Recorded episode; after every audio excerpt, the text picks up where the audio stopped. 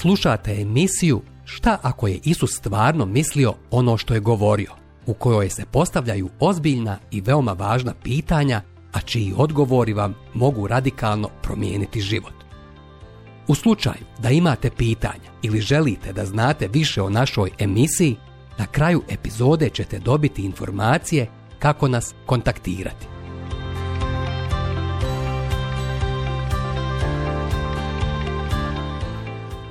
i neka uzme svoj križ. Isus nas nije spasio od križa. Ako me vidite u Bermudama, havajskoj majici i japankama, zdrava logika vam kazuje da nisam krenuo na neki poslovni sastanak. Ako me vidite u e, krampunkama sa štitnicima po cijelom tijelu i kacegom, znate da se spremam za ragbi okršaj. Ali šta to znači kada je riječ o Isusovom pozivu da uzmemo svoj križ? Šta to pretpostavlja? Odlazak na bal, na zabavu? Ne, već odlazak na mjesto stradanja, progona i smrti. Nošenje križa je način života koji podrazumijeva odbačnost i bol. Da, križ podrazumijeva stradanja, podrazumijeva i samu smrt. Križ uzimamo po gospodnjoj zapovijesti i kada ga uzmemo, bilo bi neobično, nego vrlo neobično ne stradati i da nas taj put ne vodi u smrt, u umiranje kroz omalovažavanje radi njegovog imena. Zar je sve ovo strani jezik nama, ljudima 21. vijeka, Zar se nismo toliko uh, razbaškarili u svijetu koji je razapao našeg spazitelja, da se ipak nadamo kako ćemo ga slijediti bez sramote i bez križa? Ako je svijet tako živo protiv njega, kako očekivati aplauze za sebe? Elem, Isus nam nikada nije prikrivao stvarnost križa i sve ono što slijedi iz njega. Moj dragi prijatelj Kevin Turner – voli pitati ko je još otpočeo revoluciju pozivom dođi i umri. Recite danas prosječnom krčaninu da nas Isus nije spasio od križa i bit ćete obilježeni kao heretik. Da li je baš u tome na mentalnom nivou jedan od razloga zašto ne doživljavamo dubinu Kristove ljubavi, misije i blagodati? Da li nas nevoljnost da se latimo križa također sprečava prepustiti se njemu samom? Zar nas sva naša upinjanja kako izbjeći križ ne odvode od njegove ljubavi koju kao da malo cijenimo? Mnogo je muškaraca i žena koji su umrli razapeti. Josip Flavije je bio hebrejski istoričar, rađen nekoliko godina nakon gospodnjeg uznesenja. Pisao je kako je sam vidio najmanje 500 razapetih tokom rimske opsade Jeruzalema 70. godine. I danas ima fanatika koji razapnju one koji ne misle kao oni. Da, mnogi su razapeti, ali šta razlikuje križ Isusa iz Nazareta od svih drugih križeva? Da li je riječ o samom činu njegovog raspeća ili iza njega stoji nešto još užasnije. Zapanjuje što i u vrtu Gecemanije kada je raptao u agoniji žalosti. Isus ne traži od oca nijednom riječu da ga pošedi križa. Nijednom. On se ne moli, ako tvoja volja, neka me ovaj križ mimo iđe. Ne, tri puta se molio nešto drugo i drugačije. Oče, ako je moguće, neka me mimo ova čaša, ali neka ne bude kako ja hoću, nego kako ti hoćeš. Matej 26. poglavlje 39. stih. Čaša, da, čaša, ali ne i križ. Čaša Božjeg gnjeva. Širom starog zavjeta vidimo da je puna čaša ili pehar simbol Božjeg gnjeva protiv zla i pokvarenosti ljudskog roda. Eno, čaša je u gospodnjoj ruci i vino puno začina se pjeniji. I izliče se iz nje i zaista će piti, do taloga iskapit će svi zemaljski zlikovci. Psalm 75, 8 stih. Evo kako na sličan način piše i prorok Jeremija. Uzmi ovu čašu vina jarosti iz moje ruke i napoj njome sve narode kojima te šaljem. Jeremija 25. poglavlje 15. stih Prije nego je Isus otišao na križ, čitamo o zanimljivom razgovoru između gospoda i majke dvojce braće Jakova i Ivana. Majka je za svoje sinove tražila da im Isus u kraljestvu koji dolazi obezbijedi mjesta, sebe sa lijeve i sa desne strane. E, volim Isusov odgovor. Ne znate šta tražite. Možete li piti čašu koju ću ja ispiti? Matej 20. poglavlje 22. stih. Odgovorili su mu da mogu, a gospod nastavlja Moju čašu ćete ispiti, ali ko će sjediti meni s desna i s lijeva? To ja nisam ovlašten dati. To je za one kojima je to moj otac namijenio. Stih 23. Primijetimo promjenu riječi. Prvo ih pita da li će moći piti iz čaše, a potom ih potvrđuje da će piti iz njegove čaše.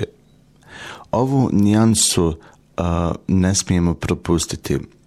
Pavle piše, njega koji nije iskusio grijeh, Bog je učinio žrtvom za naše grijehe, ali u njemu postanimo pravedni pred Bogom.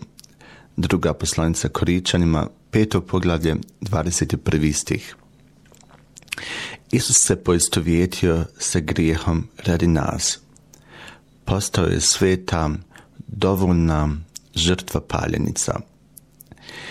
Šta se tada desilo na križu? Povikao je iz sveg glasa. Bože moj, Bože moj, zašto si me ostavio? Ovo je jedini put da se Isus na zemlji molio naslovivši Boga Ocem. Zašto? Zato što je na križu bio napušten, odvojen od Oca.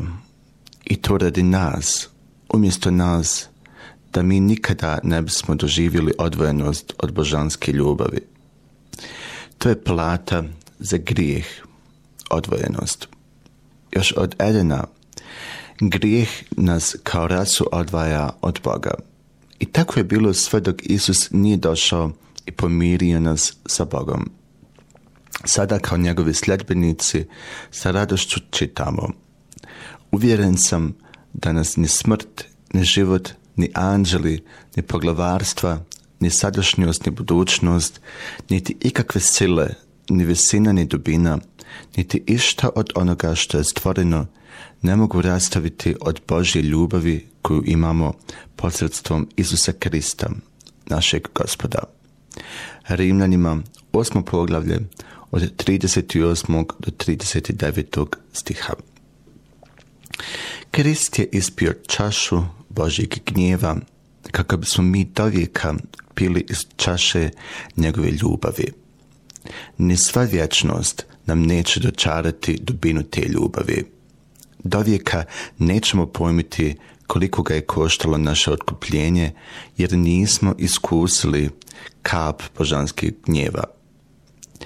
Ali ima tu e, nečeg većeg od čaše. U noći kada je izdan, Isus je uzeo jednu drugu čašu i pružio učenicima uz riječi.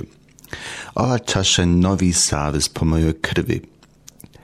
Kad god je pijete, činite to na spomen meni. Prva Koričanima, 11. poglavlje od 25. do 26. stiha. Naglasak je na ova čaša. On je ispio našu čašu da bismo mi pili njegovu, a ta njegova je puna ljubavi i zajedništva s njim. Elem bijaše to prije više godina. Bilo je već kasno veče kada sam razmišljao o ovim istinama, o čaši strašnog božnjeg djeva. I tada su mi došle ove riječi. Čaša u tvojoj ruci, talog suda, smrti i pakla. Kazuje o svetim i pravednim zahtjevima tvojim, o svemu što smrtnik ni spomenuti ne smije. Sve je spremno na vrijeme da čovjek ne postrada, da čaša kao trajni dokaz i podsjetnik, da će grijeh biti osuđen strašno, a da Bog pravedni na to ni trepnuti neće ali ljubav neznana, što misao nadliči svaku, siđe s neba za sve, da je vide skrivena u tijelu koje svijet tek će vidjeti, gdje je milost srela osudu i donijela nam slobodu. I tada ta čaša strahota se uze i izlina onog bezgrešnog, da se čuje sa usana same Božje riječi, svršeno je, do vijeka dovršeno. I sada je uzignuta nad stvarnosti svakom. Njegova čaša na stolu da se vidi, a on mi govori, ovo je krv moja što piješ, dok se ne vratim, da me se sjećaš. Isus je umro da bi nas spasio od Božjeg gnjeva, i vječne odvojnosti koja je prijetila. Ali nije nas spasio od križa. Svako učenje o Bogu koje uklanja križ od smisla i značenja Kristovih učenika i sljedbenika jeste teologija drugog evanđelja i drugog Isusa. Druga poslanica Koričanima, 11. poglavlje od drugog do četvrtog stiha. Ali Isus nam nigdje ne govori tek tako o stradanjima kao posljedicama sljedbeništva. Ne, on nam zapovjeda da se odlučimo biti njegovi učenici koji nose svoj križ. Ko hoće ići za mnom, neka se odrekne sebe samog i neka uzme svoj križ, pa neka me slijedi. Matejevo evanđelje 16. poglavlje 24. stih. Zato križ nije tek jedna od mogućnosti. On je put bliskosti sa Kristom. Da, Isus je stvarno mislio ono što je rekao. Pitanja i odgovori. Prvo, objasnite izjavu Isus nije umro spaziti nas od križa. Drugo, zamislimo se nad konkretnim grijesima svog života – da li su i oni bili u čaši gnjeva koju je Isus ispio umjesto nas? Kakvu čašu nam je dao umjesto ove? I treće, kakva stradanja doživljavamo zbog križa koji nosimo? Možda uopšte ne stradamo. Zašto? Razumijevanje križa. Križ nije nešto što nam se dešava, već nešto što sami biramo. Kristov poziv da uzmemo svoj križ i slijedimo ga nije izbjegavanje posebnog poziva na nešto. Ne, riječ je o predanosti posebnom nekom. Naš izbor slijediti ga je uočljiv tek kada uzmemo svoj križ i baš tada stvari postaju uzbudljive. Svjesna odluka. Velika je razlika ako kroz život stradamo zbog raznih oluja i ako nosimo svoj križ. Sjećam se žene koja je kukala zbog bolova u leđima govoreći E ovo je moj križ. Da li je? U ovom polupanom svijetu i grešnici i kršćani doživljavaju oluje – bolest, nezaposlenost, pa i smrt voljeni su oluje života i dešavaju se svakome. Ali u čemu se križ razlikuje? U čemu je njegov bol drugačiji od bola svih drugih stradanja? Kako se odlučujemo na križ? Hajdemo pogledati nekoliko primjera. Moj ujak je godinama radio kao dizajner za jednu veliku međunarodnu odjevnu kompaniju. Uspio je održati posao za vrijeme velike krize kada je nezaposlenost bila ogromna. Ali sve to vrijeme su mu menadžeri tražili da im daje ideje za e, kreacije pune seksualnog naboja ili otvorenog nemorala – on im je na to uporno uzračao da je kršćanin, da je to protiv njegove savjesti i da ne može tako nešto raditi. Na posljedku su ga uslovili. Ili kreiraj tako nešto, ili letiš sa posla. On je u duhu Hebrejima 13 e, izabrao križ i dobio otkaz. Izađemo stoga k njemu izvan tabora i ponesimo njegovu sramotu. Jer mi nemamo stalni grad na zemlji, nego tražimo onaj koji je u budućnosti. Hebrejima 13. poglavlje od 13. do 14. stiha. Koji križ Bog želi da uzmemo i ponesemo ga? Možda križ odbijanja mita, podmetanja, šikaniranja, svega što je svakodnevnica u našem poslovnom svijetu – Možda je to križ napuštanja doma, udobnosti i privilegija, a sve radi misije i širenja evanđelja u predjelima gdje još uvijek ne znaju za Krista. Šta god da nam je križ i sa čim god da je povezan, mislimo na Isusove riječi. I svako ko zbog mene ostavi kuću, braću ili sestre, ili oca, ili majku, ili ženu, ili djecu, ili njive. Primit će strostruko i baštinit će vječni život. Ali će mnogi prvi biti posljednji i posljednji prvi. Matej 19. poglavlje 29. i 30. stih. Ovdje se sjećam pjesme John G. Eliot, napisane krajem 80. godina prošlog vijeka. Prihvati križ na kome Isus postrada. Makar te košta svega za što govoriš da je tvoje. Prazen grob stavlja posljednji muk na tugu Golgote. Ali istraj, do sutra uz svoj križ stradanja. Prihvati križ. Križ u svojoj srži jeste prihvatanje našeg zajedništva sa Isusom Kristom, prihvatanje sramote koju nosimo u njegovo ime. Biti odbačen u ovoj našoj društvenoj areni je neminovnost, ali jer ne želimo kompromise na žrtveniku kulture. Križ je kada smo budale za svoje prijatelje jer se držimo jasnih i opipljivih vrijednosti vječnosti a ovo nas dovodi do sljedeće odlike križa. Svjesna objava. Uzimanje križa je nešto daleko više od privatne odluke. Ne, to je javna objava o grijesima i zlodjelima koje smo počinili. Za vrijeme vladavine Rima osuđenik bi hodao do mjesta raspeća, dok bi mu o vratu visio takozvani titulus, natpis sa nazivom zlodjela zbog kojeg strada i što svako može vidjeti na njemu.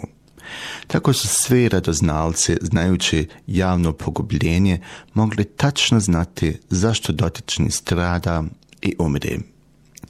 Nažalost, u svemu tome nisu izostajale uvrede i sarkastična dobacivanja.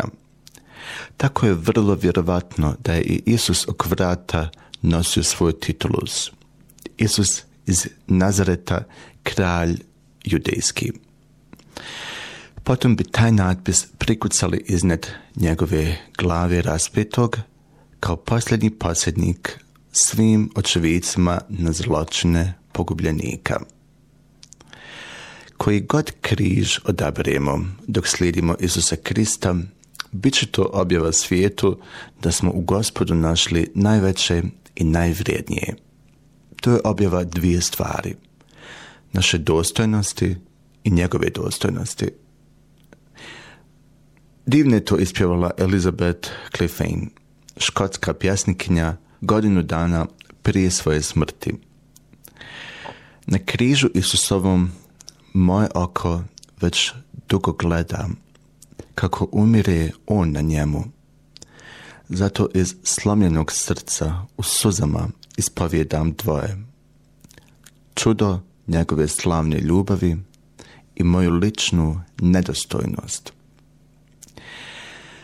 Kada se odlučujemo e, i podignemo svoj križ, objavljujemo svijetu da smo krivi, da smo u spasitelju pronašli blago vrijedno živjeti i umrijeti za njega. Nije nošenje križa način na koji obezbjeđujemo sebi odnos sa Bogom. Ono je znak da smo u Isusu Kristu prepoznali najdragocijeniji odnos da želimo biti blizu njega i njegovog stradanja. Zna li svijet da nam Isus takvo blago? Ako ne zna, jesmo li zaista uzeli taj svoj križ?